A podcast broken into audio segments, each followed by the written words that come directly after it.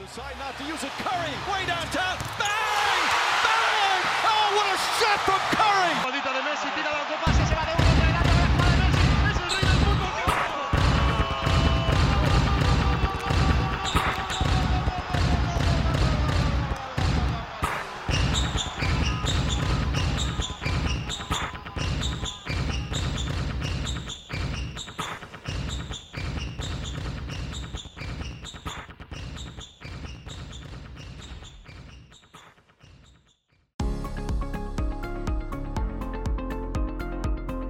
Benvinguts i benvingudes un dia més aquí a La Poca Substància, a 20 de febrer del 2022. Avui recuperem el Joel, una de les nostres quatre veus després de que l'últim podcast s'ausentés encara no sabem ben bé per què, si per estudis o per una diarrea més aviat catastròfica. Analitzarem la peculiar escala de Bristol, així el Joel sabrà l'estat dels seus intestins el pròxim cop que pateixi una dantesca situació similar.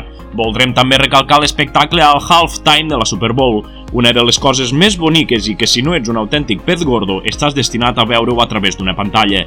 També voldrem comentar la pel·lícula guanyadora a l'últim festival de Berlín, Alcarràs. Ens deixarem portar de la mà de l'Axel en el que ha estat unes setmanes de bogeria en l'NBA, tant per als múltiples moviments de mercat com pel lamentable concurs que ahir es va dur a terme d'esmaixades. També voldrem comentar la crisi que està passant tant a Brooklyn Nets, on Harden ha decidit abandonar, i a Lakers, que el fet de que fotin una mania impressionant ja acostuma a ser molt, molt habitual.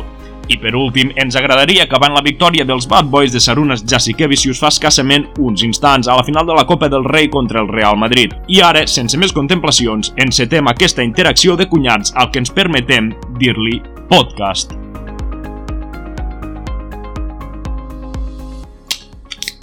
Pues som-hi.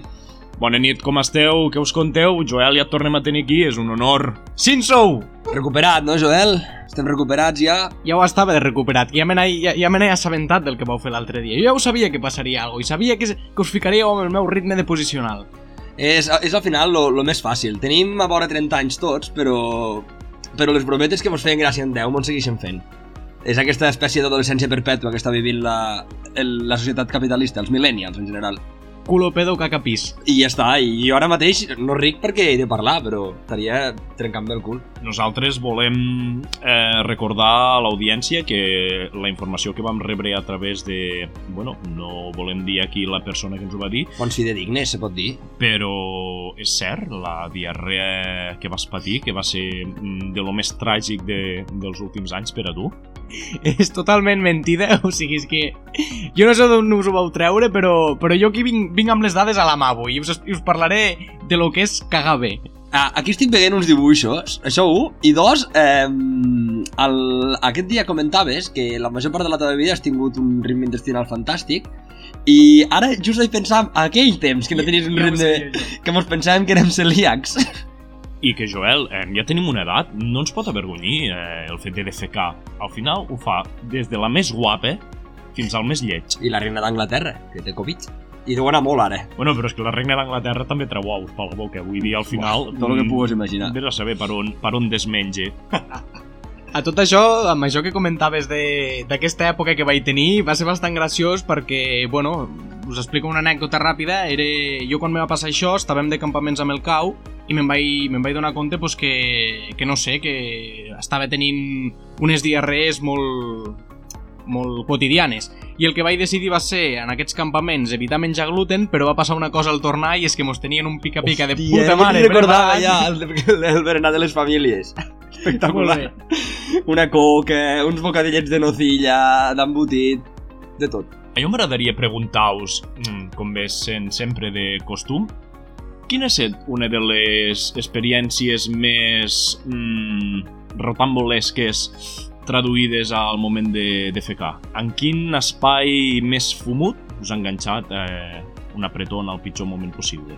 Eh, jo m'agradaria explicar un moment que és bastant recent, que em va passar aquest estiu quan, quan amb una de les persones d'aquí de, del podcast, amb el Joel, vam anar a un pub de la coneguda localitat de Lleida. Jo, eh, eh, bueno, estava, estava anant a, bueno, vam anar al pub, estàvem allí ballant, just abans de que mos tornessin a tancar les discoteques, vam fer un parell de cervesetes, jo conduïa, recordo, i de tornada, a l'hora d'anar cap al cotxe, m'havia estat aguantant molts pets al pub perquè no volia pues bueno, eh, em poder callar el pub i, i allunyar les possibles persones amb qui volíem relacionar-nos allà al, a l'espai, no? I, i va, ser, va ser molt dur.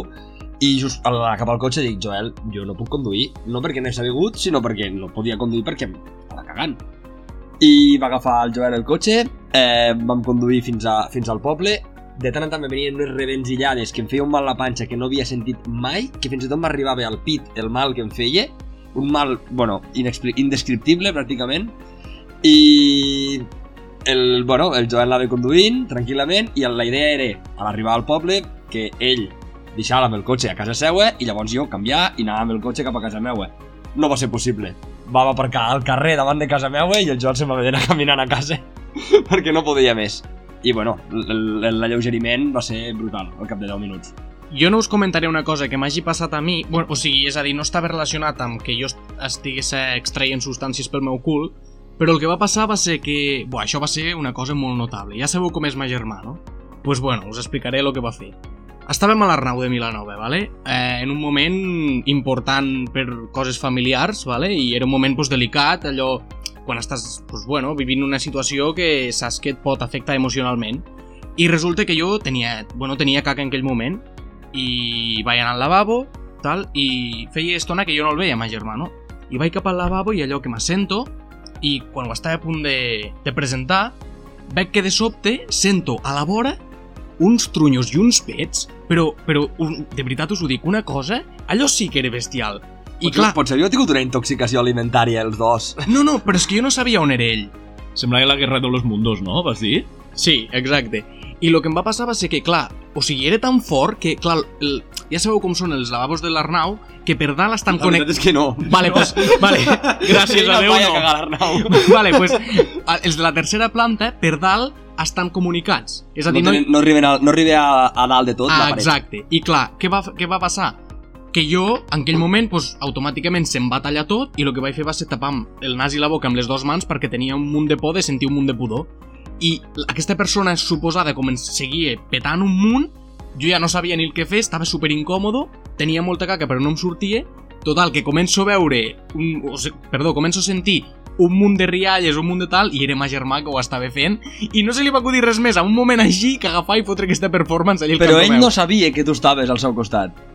Clar, clar, ell ho sabia. Ell el que va fer va ser... Ah, no estava cagant. No, no, no. no estava ell... fent-ho de broma. Sí, sí, sí, sí. Ell va entrar, va accedir, va accedir al cubicle del lavabo i va començar, va començar a fer veure que era un, un... Jo, a veure, no vull jutjar-ho ara, vale? però automàticament jo el que vaig pensar va ser una persona de 60 anys amb problemes gastrointestinals, segurament amb, amb, bueno, amb correderes d'enquestes que diuen de quan s'estan cagant i clar, buah, vaig, vaig prejutjar-ho molt jo això.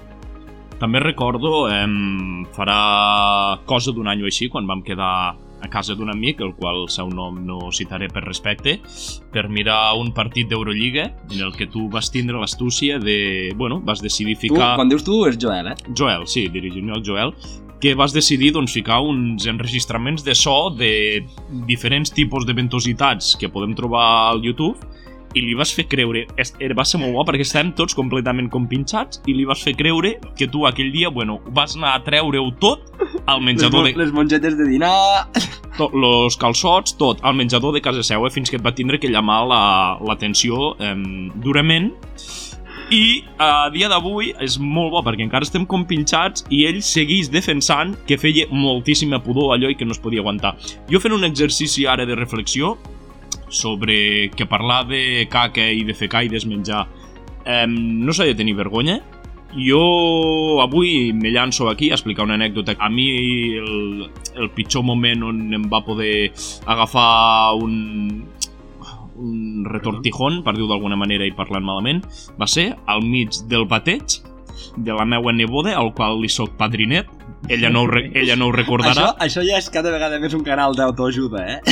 Aquest podcast. Jo no m'amago. Bueno, vaig tindre que aixecar-me al mig de la cerimònia, tocar genoll a terra, mirant els ulls al bisbe i anar al bar més a prop que vaig trobar mm, vaig estar obligat a comprar una botella de litro d'aigua de Sant Ribes de Freser i després, doncs, bueno, eh, ha set, hagués pogut ser molt pitjor, no? Com que no m'hagués pogut aguantar i, i fer-ho allí, a ulls de Déu. Missa Um, sí, sí, que potser el bisbe es va pensar que, que alguna cosa del seu sermó et va ofendre o, o que eres un heretge i, alguna cosa molt bèstia. Va veure que marxava amb certa pressa, eh? Amb certa pressa. mica Esgrogueïda la no cara. havia rebut cap trucada, vull dir, igual la, després amb la reflexió se'n va, se'n va donar. Llavors, per acabar amb aquest tema, voldríem comentar el que hem portat aquí avui plasmat en un paper que ve a ser l'escala de Eces de Bristol. Sí, clar, perquè el Joel la setmana passada, al seu àudio, parla d'això i, i si no esteu familiaritzats amb l'argot, convé que sapigueu què és. Sabeu aquella dita de que la cara és el reflejo de l'alma? Doncs és la caca és el reflejo de l'alma perquè diu moltíssim d'un cos. Al final, com ja sabem, Ben sana... el secreto està en la massa, no? Vull dir, hi ha set tipus de, de, de nivells d'eces i el Joel avui ens comentarà aquests diferents eh, nivells que poden aportar tant estrès com mala alimentació, com mals hàbits o que senzillament Una vas mer- intolerància... o que vas com un rellotge. Llavors el Joel avui ens comentarà totes aquestes escales. Abans de dir això, només un petit incís a lo que deia l'Àxel de que a missa els pets, tal, jo crec que a missa la gent s'hi va petar. Allí s'hi peten molt. De fet, jo crec que la coral existeix per, perquè les flatulències no es amagar. sentin. Sí. Hòstia, però jo busco un lloc on hi hagi molts decibels per anar a petar, no al lloc més silenciós Hi de ha, la molt, nostra hi ha societat. moltíssim d'eco a missa. Ara, una cosa, una cosa sí que us dic, amb lo gran que és un espai com aquest i el fred que acostuma a fer, lo més normal és que la pudor no se senti. Però el soroll sí. Clar, per això, per això. Bueno, doncs anant a l'escala, eh, res, comentar molt ràpidament. Com us deia el Jordi, hi ha set tipus, vale? va del tipus o nivell 1 fins al tipus 7, en el qual el nivell 1, i cito textualment el que hi diu a la- a l'escala aquesta de merda, En, cast en castellà, eh? Sí, bueno. Sempre està en castellà, aquestes coses. Sí, sí, clar, es que, clar. Trozos duros separados que pasan con dificultad. Parecen nueces. Cagallonets de corder. Eh, clar, això és greu. Això significa que aquesta persona té un estrenyiment important, ¿vale? Ara passo directament al nivell 7, que seria en, en Kagasawa. El nèmesis del nivell 1. És aquosa, sin pedazos sólidos y totalmente líquida. Diarrea important. És aigua. És gent que no gasta salut. Però jo crec que una vegada a l'any el nivell 7 va bé per purgar, no? Com per fer un purgatori general, allò com los radiadors, vull dir, Jo al no, final... crec, jo no crec que funcioni així el cos humà. Sense saber quasi gens. Però treus hasta la última molècula dels teus intestins amb el tipus 7. Llavors, home, òbviament que acabaries totalment deshidratat si això fos cada dia, però una vegada a l'any a mi no em fa repetir. I acte seguit un, aqua- un aquarius de llimó, iau. I llavors tenim, només per comentar que si la voleu buscar per internet, sapigueu que si esteu al tipus 3 o tipus 4, esteu bé. Vull dir, sou bons cagadors, esteu cagant una caca de qualitat, segurament mengeu Quatre, bé... el 4 és estèticament El bonic. quatre- És, sembla un cuc, és, és preciós. El 4 és preciós. Jo dir-vos que he de fer una mica d'autocrítica i jo estic al 3. Crec que ha anat bé aquest espai, una mica per sincerar-nos, no? Al final el Joel la setmana passada va quedar molt exposat al, al tindre aquesta diarrea tan important que no li va permetre gravar. I jo crec que al final el Jordi aquí, i el Jordi i jo, aquí el que hem fet ha sigut, mira, de ficar-nos al mateix nivell, no? Perquè al final aquí no hi ha, no hi ha classes i no hi ha... Tots som, al, tots estem al mateix, al mateix barco i tots caguem i tots tenim els nostres dies xungos intestinalment. Eh, a tot això, bueno, encara falta el Jagger, no? Comentem que, bueno, que, Sí, encara, que encara no ha arribat aquesta mm. persona i n'hi ha un tip. Notareu que falta una veu aquí, hem, hem establert una hora, sembla ser que el Jagger no, no ha pogut arribar-hi, esperem que quan arribi, si és que arribi, ens expliqui els motius. Llavors, Transport, segurament. per acabar ja d'una vegada amb aquest tema de merda, És que el Joel ha de, ha de dir una cosa, eh? Tinc entès que s'està depilant el cul. Hòstia, t'ha fet molt riure. T'ha fet molt riure un i, sí, és que caca culo pedopil això al final. Si se'l vol Depilar depilar, si se'l vol depilar que és el depiló. O sigui, acabem ja, sisplau, amb aquest tema. Vosaltres ja està. quin, tipus, quin tipus de salut gasteu amb els intestins? Ràpidament, dieu-meu, sisplau. Eh, a veure, aquest, aquest, esta nit he fet les 7 del matí eh, i he fet unes quantes cerveses, per tant, avui eh, he fet 5. Però ahir la nit, abans d'haver sortit, mm, estava amb el 4, o sigui, vaig fotre un... Bueno, doncs eh, recordem, tipus 5, trozos de massa pastosa con bordes definidos. Jo personalment crec que està amb un tipus 3, que sembla un torpedo però tot agrietat, con forma de morcilla con grietas en la superficie. I per acabar, Joel, Jo, com us dic, també. Estic entre el 3 i el 4, però normalment el 3, eh? Massa arròs. Doncs bé, eh, deixem ja aquest espai. Ara, si us sembla, entrarem a comentar, suposo que n'esteu al corrent, de la pel·lícula Alcarràs, de la directora Carla Simón. Ha sigut premiada com a millor pel·lícula a l'últim festival de la Berlinae amb l'Os d'Or. Què en penseu d'aquest municipi que nosaltres ens queda, bueno, podríem dir que relativament a prop, no? Puc dir una curiositat? Que m'ha passat ara mateix i no us he dit abans i us farà molta gràcia que és que, bueno, com eh, els nostres oients no ho saben, però el Jordi i jo bueno, estem apretant un kebab i unes patates que han pillat en un establiment molt conegut de la ciutat de Lleida i fent cua al, a l'establiment on hem demanat els kebabs eh, hi havia l'actor protagonista de, de la pel·lícula Alcarràs. No! El pagès aquell. Bueno, entenem que és de Terres de Ponent, no? és, de, és, de, és de Puigverd, tinc entès. Eh, I s'ha de dir que ara al veure el, el, el context del kebab no és el primer dia que li veig. és, és igual que nosaltres, que som uns habituals, crec que també ho és. Clar, igual l'han tingut davant un munt de vegades, però clar, com que no, No se, li ha pujat, no se li ha pujat gens la fama, estava allà fent cua com todo hijo de vecino i Al final jo crec que el que buscava la pel·lícula és això, no? Representar la realitat. La naturalitat. Persona, aquesta persona és una persona humil que el diumenge religiosament es paga el seu kebab i se l'apreta. Sí, sí, bueno, el van entrevistar a TV3 eh, l'endemà d'anar a Berlín a recollir els premis i el tio l'endemà estava... Me penso que estava esporgant. I el, el van entrevistar a TV3 i el van anar a entrevistar al tros perquè no el van poder trobar a casa, perquè estava treballant. Una coneguda d'una tieta meua, de Barcelona, afirma que ella ja, ja sap com acaba la pel·lícula, que mm, crec recordar que li va dir o ho va sentir en algun lloc. Llavors evitarem fer spoilers, us ho eh, explicaré a una vegada acabada el podcast, Mm, i bé, mm, té mèrit eh, al final, perquè recordem una pel·lícula amb el 96 o 97% d'actors amateurs, eh? Bueno, amateurs no, pràcticament que era la primera vegada que, que actuaven, vull dir, és molt meritori. Sí, hi ha, hi ha prou de gent, no molta, unes 4 o 5 persones que són del propi municipi d'Alcarràs actuant i que són, òbviament, persones aficionades. I al final el més meritori és cinema en català, després de lo desprestigiat que ha estat durant molt temps, eh, que es digo, no, mira, el cinema català guanya a nivell europeu. I amb l'accent Dirigit- lleidatà, que és, o sigui, que encara està molt més Amb desprestigiat. l'accent més desprestigiat potser que tenim al català, eh, d'un tema de la quotidianitat de lo que és el, el món agrícola, que tampoc no és un tema super habitual, i dirigit per una dona, amb la dificultat afegida que això comporta amb, amb una indústria tan masclista com és la del cinema. És, vull dir, realment, fa una mica de rabieta perquè és el Carràs, no? que, és el, que no és el nostre poble, i sempre estan amb el mateix i ara la veritat és que n'hi haurà un tip i mos haurem de menjar durant molts mesos però hòstia, jo molt content Es veu que ja hi ha una allau de em, de sol·licituds de visita pel florament de, del març, eh, al Carràs. Allò també em sembla molt bé, aquesta pel·lícula, també perquè ensenyarà al món sencer em, la injustícia dels preus a, a la que s'enfronten els pagesos al moment de, de cobrar la fruita la fruita conreada, per dir-ho d'alguna manera, durant, durant la campanya. Eh, ja sabem que els intermediaris al món de la fruita són, bé, una mica criminals. Jo vull dir que estic molt d'acord amb el que heu dit, sobretot el que deies tu, Axel, amb el tema de, de, la, de la directora i tal.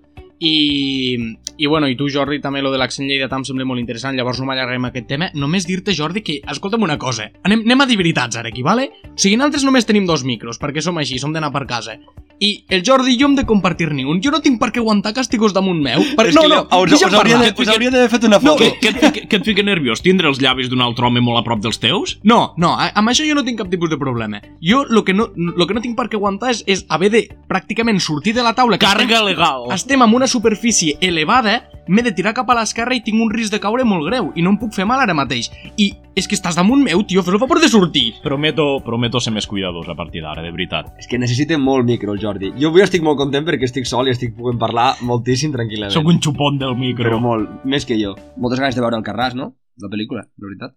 Doncs sí, deixem fins aquí eh, el tema de- d'aquesta producció, que veurem estrenada, crec que el 29 de març era, eh, no em feu Ah, gaire cas, que eh? és la premier.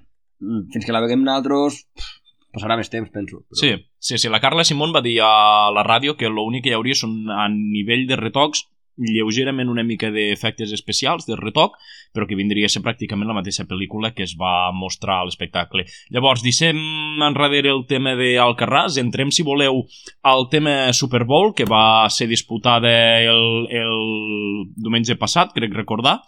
Um, heu vist l'espectacle del descans? Què us ha semblat, en el cas de que l'hagueu vist?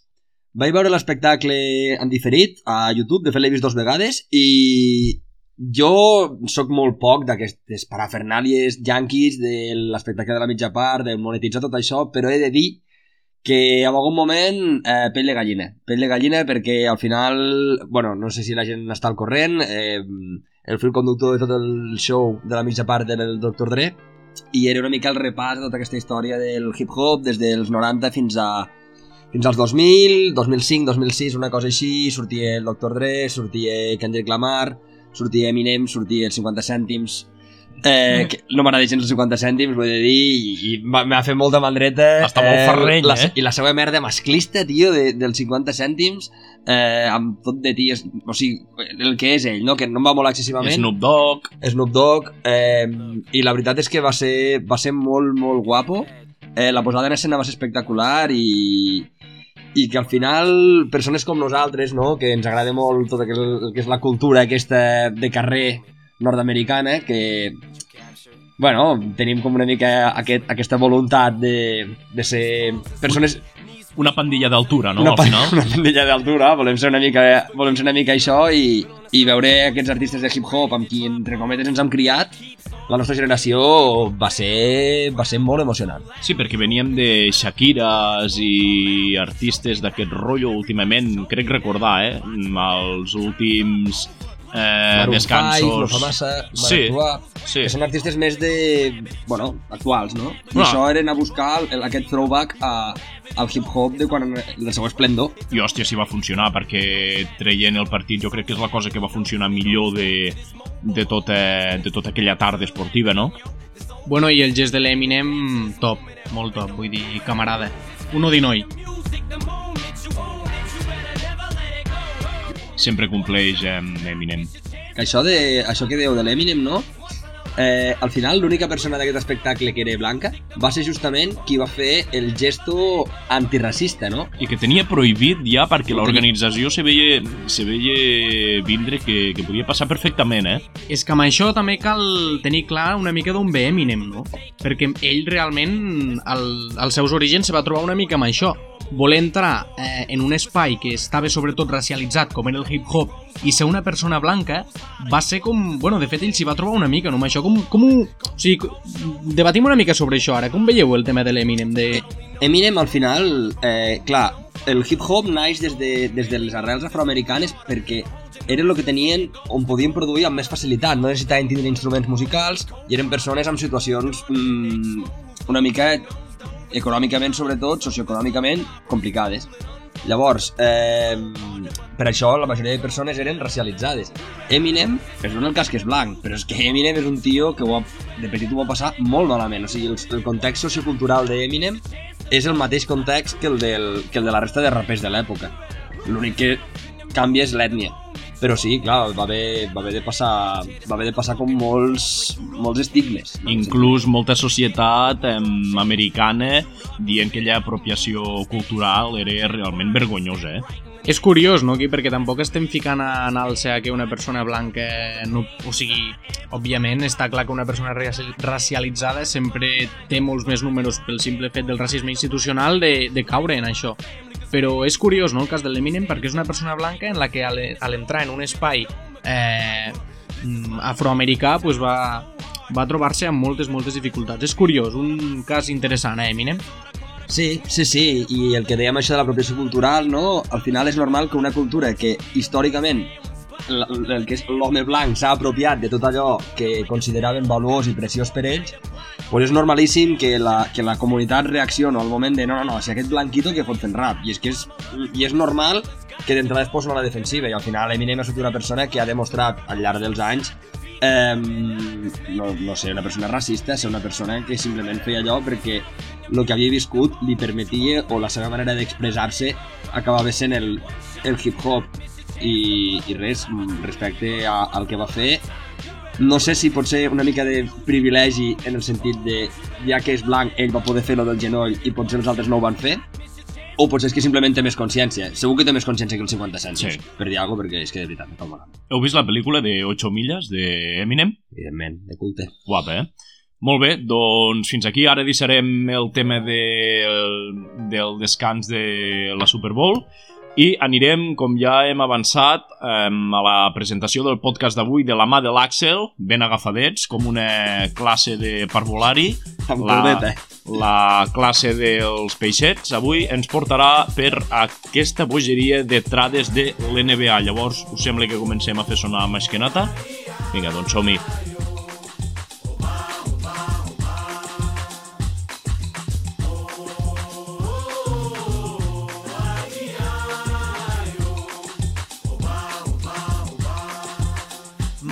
Mushkin now.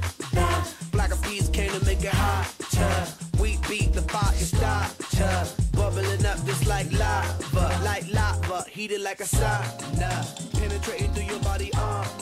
sí, com us ha comentat el Jordi, jo seré el vostre guia, seré el vostre mm, Virgili a, a, a la Divina Comèdia Naltros com si fóssim davidianos i us, avui. i us presentaré, us portaré per aquests inferns que són eh, els trets de l'NBA. Va ser una jornada absolutament boja, la jornada del ara parlo de memòria, 8 de febrer, si no m'equivoco, que va ser quan eh, va ser el, el, dead, el deadline, no? L'últim dia que van acabar de ver els trades més, més com rellevants, no? Jo, si us sembla, companys, la manera com ho havia preparat, jo bàsicament eh, dic el trade, dic una mica la meva així com molt ràpid i llavors parlem de qui pensem que ens surt guanyant, qui pensem que ens surt perdent, per què creiem que ha passat, etc. Vale? Si us sembla, comencem amb el més evident, no? I que potser serà amb el que ens allarguem més, que és el sonadíssim, la saga, eh, James Harden-Ben Simmons. James Harden finalment ha aconseguit el que volia, eh, s'ha anat a Philadelphia 76ers, recordem, jugador que tercer equip en dos anys, tercer equip en menys de dos anys, eh, bueno, òbviament això converteix Philadelphia en un equip molt més competitiu, però però bueno, pensem en aquest tema de la química, no? que Harden ja ha canviat d'equip dos vegades en, en un any i poc. I d'altra banda, eh, Ben Simmons, juntament amb Seth Curry, Andre Drummond i dos primeres rondes futures de draft, van a, eh, van a, Filade van a Brooklyn, perdó. I, perdó, Philadelphia també rep eh, Paul Millsap com a, com a pivot suplent. I, bueno, això, què, què us ha semblat? Us ha sorprès? A mi m'ha sorprès, sí, m'ha sorprès i crec que jo per mi guanye, la veritat és que guanya Brooklyn. Sobretot guanya Brooklyn perquè és que sabeu què passa? Que ara Filadèlfia rep una persona que és un clar defensor de la prostitució i de la policia. Llavors, rebent un personatge així, eh, tu ja no pots guanyar. I, i bueno, i a part, pues, el que s'emporta Brooklyn jo crec que és, està bastant guai, la veritat. Sí que és cert que Simmons últimament ha estat passant per moments molt xungos, vull dir, molt però que molt xungos, Simons porta tot l'any sense jugar ni un partit. Ha perdut, de moment, porta perduts 19 milions de dòlars, bueno, deixats de guanyar, Deixats de guanyar, sí. deixats de guanyar des de principi de temporada, eh? Jo confio que Steve Nash sabrà trobar-li el rol. Al final és un jugador que defensivament és una passada. És capaç de defensar pràcticament a les 5 posicions. A nivell de visió de joc, eh, bastant bé. El que passa que és un tuno i ha de començar a treballar ja la tècnica individual. Crec que és el que necessita. Però a partir d'aquí, per mi, Brooklyn guanya. Jo d'aquest moviment, eh, lo primer, a simple vista, que el blau li queda molt bé a James Harden, la veritat, molt El millor, blau de la policia. Sí. Blue Lives Blue Matter. Lives Matter. molt millor que el negre de Brooklyn, i després a mi se'm quedarà una mica... Se veu menys gordo, eh, de blau. Sí, potser sí que hi fa la vista. Bueno, el negre també diuen que prime. Um, a mi se'm quedarà una mica l'espineta clavada pel que hagués pogut ser um, el Kevin Durant, Kyrie Irving i James Harden coincidint moltíssim més temps sants en una, en una fase final de, de l'NBA. Són aquelles coses que passen, com quan van coincidir Russell Westbrook, Kevin Durant i James Harden a Oklahoma, que sempre és el easy, easy, doncs bé, mai ho sabrem, no, al final. Però bueno, crec que també Brooklyn sembla que si llegissis el titular i surt perdent moltíssim, però veurem com, com roda, eh, això al final.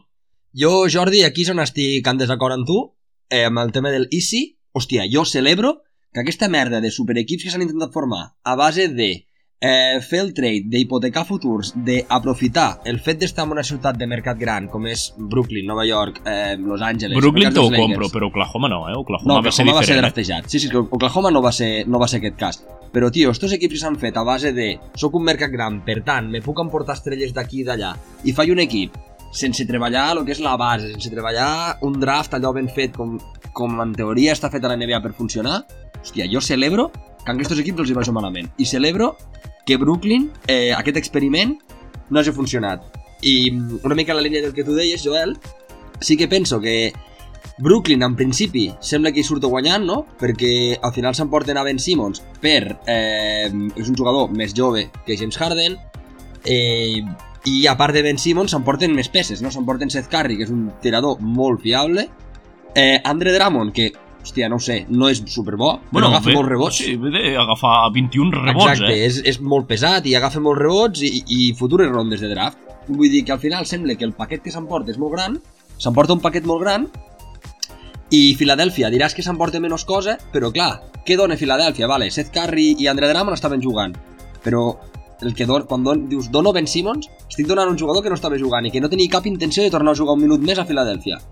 Vull dir, al final t'has de treure de damunt aquest jugador, te'l treus de damunt i t'emportes un Harden a canvi. Pues, al final s'haurien pogut emportar no res, s'han emportat un Harden. Eh, un Harden també com està i amb els problemes de química que he comentat abans, eh? però mm, se l'emporten. Sí, sí, no, no, està clar, el Harden és un autèntic jugador, pot ser una dupla brutal amb Embiid, i al final és que hem de ser clars. Bueno, jo mateix he dit que guanya Brooklyn i per mi guanya Brooklyn perquè confio en que Steve Nash sabrà trobar-li el rol a Ben Simmons. I el paquet és més gran. Però és que Ben Simmons és un jugador que podria estar perfectament ara mateix jugant al lloc d'Urgell i, i, i... No, no, però, perfe però perfectament, eh? Respecte I- al Lloc d'Urgell, que No, té una ah, base, un equip molt ben treballat. Ei, és fantàstic. No, no, i ara parlo en sèrio, sempre ha tingut bons equips, però bueno, a veure, al final, que se li digui que un jugador NBA podria anar significa que també és un bon equip. Però jo crec que allí el Ben Simmons perfectament de sisè home, sentadet al canto de l'entrenador, que és un senyor d'edat, mm, jo crec que molt bé. Sí, sí, i tornant al, al tema aquest, el, el fit, el que seria el, el, la, com s'ajuntarien Harden i Embiid, hòstia, me costa de veure, perquè eh, l'Embiid necessita molta, molta, molta pilota, i fotre el cul al poste, i pam, pam, pam. I Harden lo mateix, el, el yo-yo allí a la, al perímetre i el, i el step back. Encara li farà guanyar l'MVP Harden a Embiid? Bueno, l'MVP l'Embiid el té encarrilat amb o sense Harden, eh, t'he de dir. En principi, Filadèlfia serà millor equip i, bueno, és un, és un candidat bastant clar. Candidat bastant clar. Si us sembla, passem a, a un altre trade que d'aquests que comentàvem, bastant sonat. Eh, un trade com bastant totxo, amb, amb moltes peces, que eh, ha passat entre els equips de Sacramento Kings i eh, Indiana Pacers. En aquest cas, els Kings han rebut a Domantas Sabonis, Justin Holiday, Jeremy Lamb i una segona ronda, i els Pacers han rebut eh, un jugador que Kings va draftejar l'any passat, que és Tyrese Halliburton, que té molt bona pinta, Buddy Hill, que és un tirador molt bo, i Tristan Thompson, que també aquest tio últimament ha estat a 40.000 equips. Eh, què en penseu? Qui creieu que guanya? Doncs bé, jo la veritat és que no em sabria posicionar ara mateix en, en cap d'aquestos trades, degut a que estic bastant desconnectat últimament de l'NBA. Ara ho parlem amb el Joel. L'NBA jo crec que s'hauria de plantejar una reestructuració de competició perquè el que, els que realment ens agrada um, comencem molt enganxats, però arribem en aquest moment de la temporada que l'únic que volem és que, és que acabi lo abans possible. Llavors, no et sabria dir amb cap criteri qui surt guanyant i qui surt perdent en, en aquesta situació. El que sí que em sembla fotut és la desvalijada de Portland al deixar escapar a CJ McCollum, no? Sí, sí, sí, això que comentes és... Eh, bueno, CJ McCollum ha acabat als Pelicans, juntament amb Larry Nance, Tony, Tony Snell. Eh, bàsicament, Portland el que estan fent és... Eh, hi ha dues teories aquí, per lo que he anat llegint i sentint. Eh, una teoria és que estan desvalijant l'equip perquè el volen vendre. I estan, estan fent un equip mmm, com això, supermediocre, sense peces, i així pot anar un comprador i compre Portland i tens com un equip que de zero pots començar a funcionar i tens pasta. Són el Lillard al bell lloc? Són el Lillard, són el Lillard a qualsevol lloc. I l'altra l'altra teoria és que es vol reconstruir sobre... O sigui, es vol tornar a reconstruir al voltant de Lillard i que les peces aquestes, eh, CJ McCollum, Larry Nance, eh, Robert Covington, Norman Powell, aquests jugadors que en principi havien de ser un equip bastant competitiu, enguany no estan funcionant. Potser també fa que Billup sigui una merda d'entrenador a part d'un violador, eh, però això, que reestructurem, ara estarem un any o dos amb un equip bastant merdós, el, el Lillard, Simons i Nurkic i la resta són una banda, però lo de sempre, eh, espai salarial, tindre pasta i poder en un futur construir amb jugadors bons al voltant de, al voltant del Lillard. Um, creus, vols ressenyar... Vols recalcar algun moviment més d'aquestos sonats que hi ha hagut per anar acabant amb el tema trade? Bueno, al final, inevitablement, no podem deixar de parlar d'un jugador molt estimat per nosaltres, un jugador del, del, de la terra, un jugador català. Fermín Trujillo, no? Eh, no, no, no accepto aquesta comparació amb una sèrie absolutament merdosa, però sí, eh, el nostre estimadíssim Ricky Rubio, eh, bueno, pues l'han tornat a fer, a fer volar, com, a fer rodar com una baldufa, i ara l'han facturat cap a eh, Indiana, Indiana Pacers, i a canvi els Cavaliers han rebut Caris Levert, que és un jugador doncs, bastant, bastant aprofitable per Cleveland. Aquí Cleveland jo crec que hi surt guanyant 100%. Sap molt greu pel Ricky Rubio, però estava lesionat fins al final de temporada i ara s'emporten amb un equip que està competint per playoff, s'emporten un tirador molt bo, com és Caris Levert, un tio que fa, que fa molts punts, a canvi d'un jugador que tenia lesionat. Així que sap greu per Ricky, però Ricky, em, sap, tenim constància de que ens escoltes. Fes el favor de tornar al Barça, home. Estem amb els braços oberts. o al Baxi Eh, Manresa. el Masnou, al final, és... La climatologia del Masnou ja la coneixem tots, vull dir... Fes el favor de tornar a casa, que t'estem esperant, home. Jo em penso que hem d'anar cap a Belllloc a veure aquest Big Three que es muntarà, nois, perquè això serà espectacular. Ricky Lillard, Ben Simmons. Eh? Exacte. Home, estaria bé, eh, veure... Tot i que eh, potser ho fem caure massa lluny, no?, això de, de bell lloc, no sé, Almatret, que una, un Big Three a l'Almatret... Eh? Al Matret la pista no és ni coberta. No fa Vols, falta. dir, vols dir que, que el Lillard, que ha estat a les millors facilitats d'entrenament del món, arriba allà i diu, hòstia, si aquí n'hi ha sostre. Vols dir que he de jugar aquí? Eh, escolta, al final aquesta gent està encurtida amb la gran majoria en... Hòstia, això és un estereotip molt bèstia el que vas a dir ara. i una realitat. I una És una realitat. realitat. eh, en situacions de la vida de quan eren crios molt, molt magres. Llavors, jo crec Ah, sí, que... això sí. Pensava que et referies a que havien après a jugar a bàsquet en una canxa de carrer. Dic, home, això és una mica racista. No, però molts dels, dels trics que tenen sí que, bueno, que són purament callejeros, al igual que al futbol també passa i els millors del món és perquè han mamat moltíssim de carrer, eh, també. Jo em pensava que m'on aniríem ja cap al lamarquisme, que ja, jo em pensava que m'ho saltaríem hasta el racisme. Lo de jugador alt, eh, Sí. bàsquet. Molt bé. Necessito arribar a la canasta, m'estiro. Sí, sí. No, Déu me'n guard de fer tesis lamarquistes en aquest podcast. I ja, si us sembla, per acabar amb el tema de, dels trades, eh, bueno, un trade que també pot afectar un jugador que té molt seguiment, eh, com és Luka Doncic, no? Mm, bueno, li han canviat una mica les peces al voltant. En aquest cas, eh, Kristaps Porzingis, jugador, recordem també, amb, una, amb, una, amb un mort a l'armari, se'n va a Washington, Washington Wizards, i en canvi els Mavericks han rebut a Spencer Dinwiddie i Davis Bertans, que és un jugador que li falta un dit. Ah, sí? A Davis Bertans, sí, crec que li falta el dit petit, o potser n'hi falta dos. Ara, Hòstia. ara, ara m'estic Hòstia, equivocant. dos ja hauria d'afectar de manera molt una notable mecànica- la mecànica. Té una mecànica de tiro molt neta, per ser que li falten dits. El dit petit del peu o el dit petit no, de la mà? de la mà, de la mà. Ah, perquè evolutivament no sé si sabíeu que el dit petit del peu està destinat a desaparèixer, ho sabíeu? Sí, clar, però te'n falta els dos. Si te'n falta un, estàs desequilibrat. I sabeu que m'he imaginat quan heu dit que li faltava dos dits? Sabeu la, la mà del Dwight de, de Scary Movie? No, eh, Hanson. Ai, del Hanson, perdoneu. Scary Movie m'he- 2, una altra pel·lícula de M'he imaginat aquest senyor fent un fade away amb la mà així, tio. És millor que ten Falton a tindre la mà com lo Hanson, eh? Que la té tota recargolada d'una manera molt... Però, I li falta mans, té 3 o 4 Sí. dits. No, Ah, té sí? 5, no en té 5, segur que no. 5 no.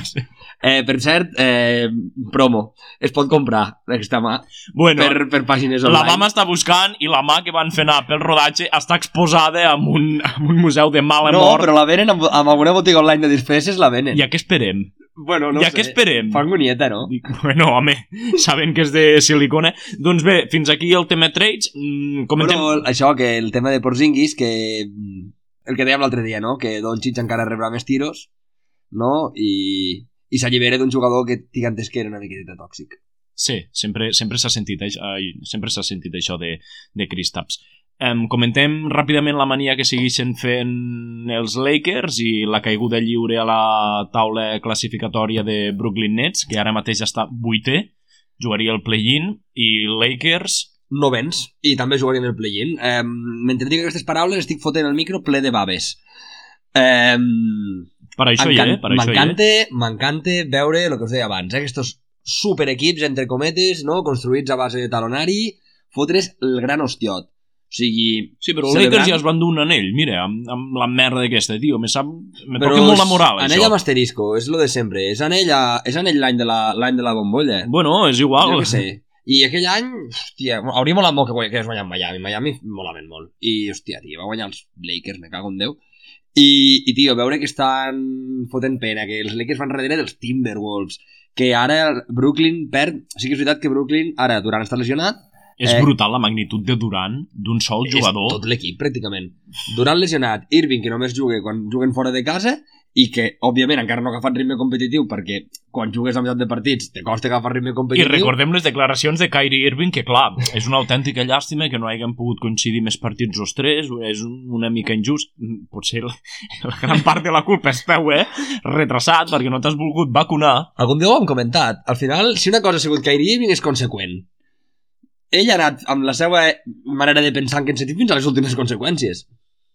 Ara, després no pots lamentar que, que, no, has, que no has coincidit lo suficient com perquè l'espectador apreci el, el talent que hi arriba a veure en aquell equip. Doncs bé, voleu comentar alguna cosa més de l'NBA?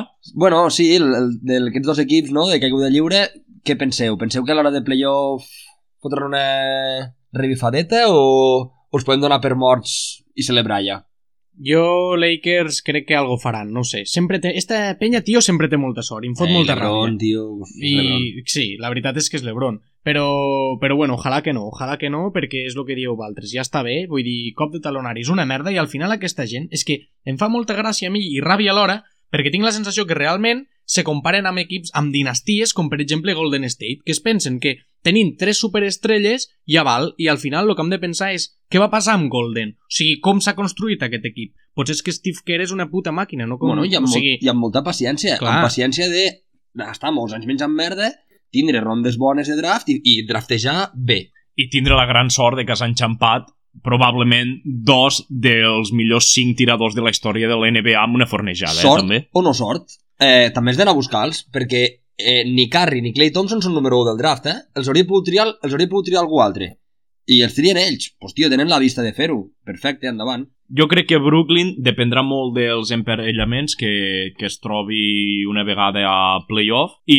Sí, jo crec que si els toque... Si acaben sortint del play-in, o sigui, passant el play-in, i llavors els toque, per exemple, Chicago o Cleveland, que estan en bona posició i al final no són equips amb massa experiència en aquest sentit, potser allà poden llibrar i passar una ronda, però els, quan els enxampon Filadèlfia, Milwaukee, Miami o equips encara Sí. sí. ulls, És que jo crec que estarà entre Filadèlfia i Milwaukee a l'est. Llavors, Joel, per acabar, ens comentaràs eh, amb alguna cosa més sobre l'NBA? Bueno, jo crec que hem de parlar sobre el concurs de mates, no? De fet, jo us vull comentar que, bueno, no sé si l'heu vist, és veritat que és lamentable, però el mate guanyador... Perdó, puc fer un incís molt ràpid? Sí, Eh, mm, perquè no sé si anaves a parlar del concurs de triples també.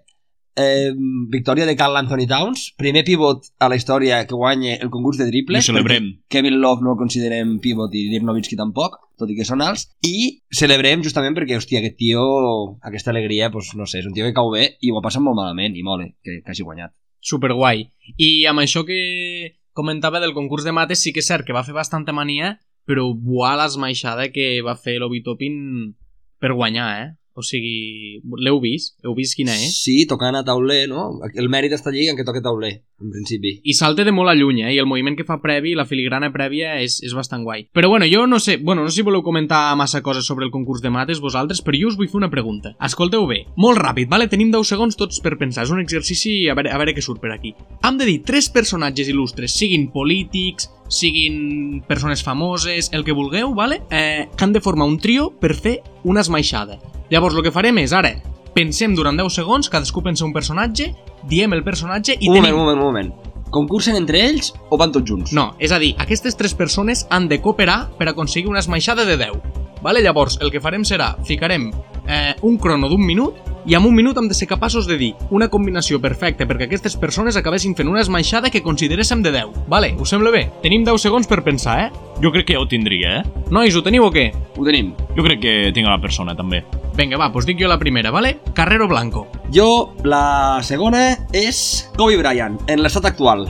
Urna i tot. Jo, Santiago Abascal, eh, m'expliquem ara com seria la presentació del mate, què els faria elevar, què els faria introduir la pilota... Mm, comença tu mateix, Axel. La meva part és molt fàcil. Eh, no hi ha pilota. La pilota és la urna. La urna amb les cendres de Kobe. O sigui, s'ha d'esmaixar a Kobe Bryant. O sigui, esmaixo la, la, la, la, Lo gerro, les urnes. el gerro. El gerro. No esmaixo una pilota. Esmaixo una, una urna. Vale, jo crec que a Carrero Blanco li podem ficar una capa, vale? a lo Dwight Howard? Sí, una capa lo Dwight Howard amb la bandera d'Espanya. Eh... I què més, Jordi? Com, com el fem quallar aquí, al Santiaguet? Hòstia, tio, però jo, jo m'he pensat la meva elaboració del mate, ara amb Carrero m'estàs aquí...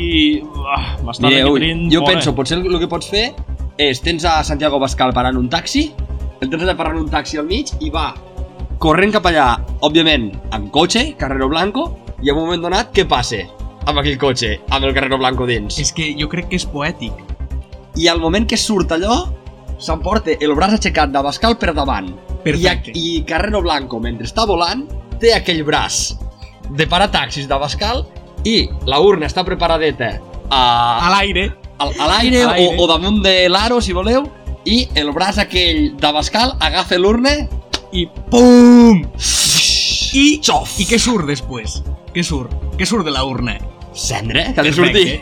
Jo, jo m'havia imaginat algo bastant similar també i era Abascal sabent que la seva mà tenia la butlleta per fer el vot definitiu la majoria d'expulsar els menes i tots els llatinoamericans d'Espanya, que salte, s'impulsa tan fort, introduís la butlleta dintre l'urna i es queda amb lo colze penjant a lo Vince Carter i al moment s'ha equivocat a lo Alberto Casero i ha votat que no i ell mateix ha set qui eh, ha fet visible que volia totalment una altra cosa però l'acaben linxant i rebentant i no es compleix el seu I propòsit. es deu convertir en un ídol de masses per la comunitat d'immigrants d'Espanya, Seria no? brutal, tio. Que el mantegessin, tio. Seria, un plot twist seria, tan, increïble. seria tan poètic, de veritat. No, jo m'estimo més que el Lincoln i m'estimo més que el, que el Reventon. Doncs bé, després d'aquest exercici tan enrebaçat que ens ha proposat el, el Joel avui, volem acabar comentant la final de la Copa del Rei, que fa, ara deu fer una hora o dos, eh, s'ha acabat proclamant com a campió el Futbol Club Barcelona davant el Real Madrid. Una final que ha començat molt malament, recordem, amb un primer parcial de 19 a 5 pels blancs.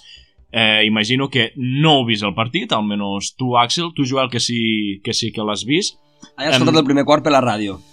Oh, brutal, bàsquet per la Quan ràdio. quan estaven palmant a tope i dic... I llavors eh, estava en un bar fent una cervesa i tant en tant tirava l'ull cap a la pantalla que estava el partit posat i quan he vist al final que havia guanyat el Barça dic com ha passat això? Perquè no havia vist el marcador en cap moment. Però és que amb, amb un 19 a 5 al primer quart, els mateixos jugadors del Madrid se'ls veia que encara no estaven massa convençuts del que estava passant. Eh? Vull dir, tothom coneix de, de lo que és capaç aquest Barça. I recordem, eh, Corey Higgins, que me n'he assabentat avui, pateix una fascitis plantar que que el, ho he dit bé, fascitis plantar, Joel, que el Sí. tindré, que, perdó, que el tindrà allunyat de les pistes durant 12 setmanes i arribaria a, a la Final Four de l'Eurolliga en el cas de que s'acabi classificant el Barça.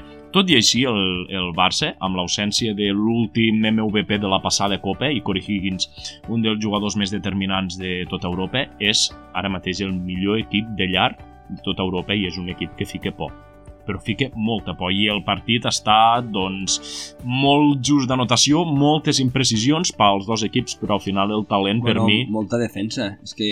Bueno, si ho volem dir així, sí, però hi ha hagut un, una quantitat de pèrdues pels, per part dels dos equips que ha set alarmant, eh?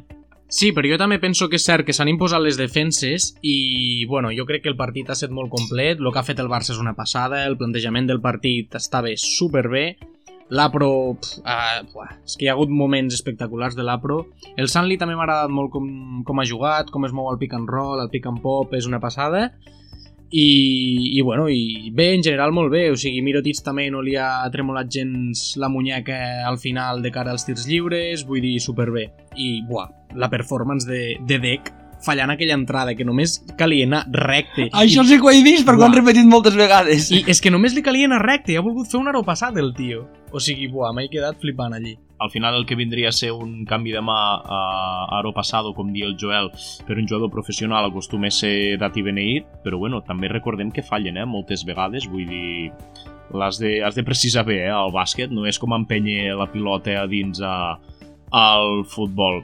Gavi D, que és un jugador, per cert, amb una personalitat molt especial, eh? Gairebé mai obre la boca, és, no sé, és, és especial aquest tio, eh? Bueno, estem moltes vegades acostumats, no?, a aquests futbolistes més excessius, més que criden l'atenció i... Tio, si no obre la boca és que potser no té res a dir. I moltes vegades, des de luego, que, que és millor això. doncs bé, eh, us sembla bé fins aquí? Voleu aportar alguna cosa més al podcast d'avui o veieu suficient, no? Sabem que avui ha estat una gravació amb molts tecnicismes, que segurament no ha estat o no hem volgut fer-lo tan graciós com, com altres cops, però bueno, eh, creiem que aquest moviment de fitxatges a l'NBA s'havia de, de comentar per ficar-nos una mica més tots a, en posició. Bueno, i al final partim de la base de que tenim un respecte gegant pels nostres oients i sabem que són capaços de seguir qualsevol tipus de programa, com si ara ens fiquem a parlar de filosofia. Toquem totes les tecles i cap de ben tocada. I ja mos ho corregireu, si alguna cosa mos equivoqueu, mos escriviu per Twitter. Anem a parlar de filosofia. Hòstia, és que no ho feu en sèrio, això. escolta'm, tu com et defineixes? O sigui, identifica't amb un filòsof, tu. Eh, tot i el risc que comporta dir això, per com va acabar tot plegat després, Ja sé per on anem jo. Nietzsche, perquè li agradava molt la poesia i a mi també considerava que era l'art més pura, més que no per les mates i tal, com la majoria. I, bueno, bueno, bé, amb reserves, però Nietzsche. Nihilisme, a tope. Tu, Joel? Jo practico, practico l'hedonisme, tio. Evidentment, és que això...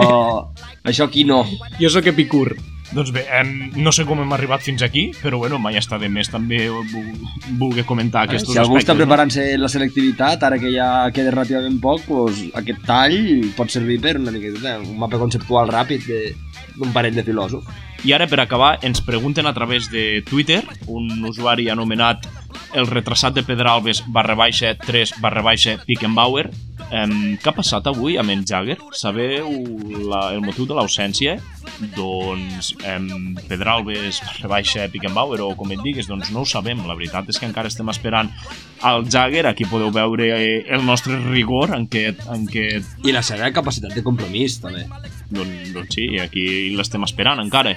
Però amb ell no li demanes massa organització o com prèvia. avui, Fins aquí avui l'episodi 5 de La Poca Substància. Mm, anem a menjar-nos aquest kebab que fa rato que el tenim aquí a la vora esperant. Fred. Axel, deu estar fred. Bueno, eh, l'haurem de calentar, però no se'n llibrarà pas de ser ingerit i després ser tret com a tipus 7, probablement, en l'escala 5-6, 5-6. en l'escala Bristol. Doncs bé, jo em despedixo i una abraçada i fins aquí dues setmanes. Fins aviat! Una abraçada a tothom, moltes gràcies per escoltar-nos. Vinga, penya, cuideu-vos molt.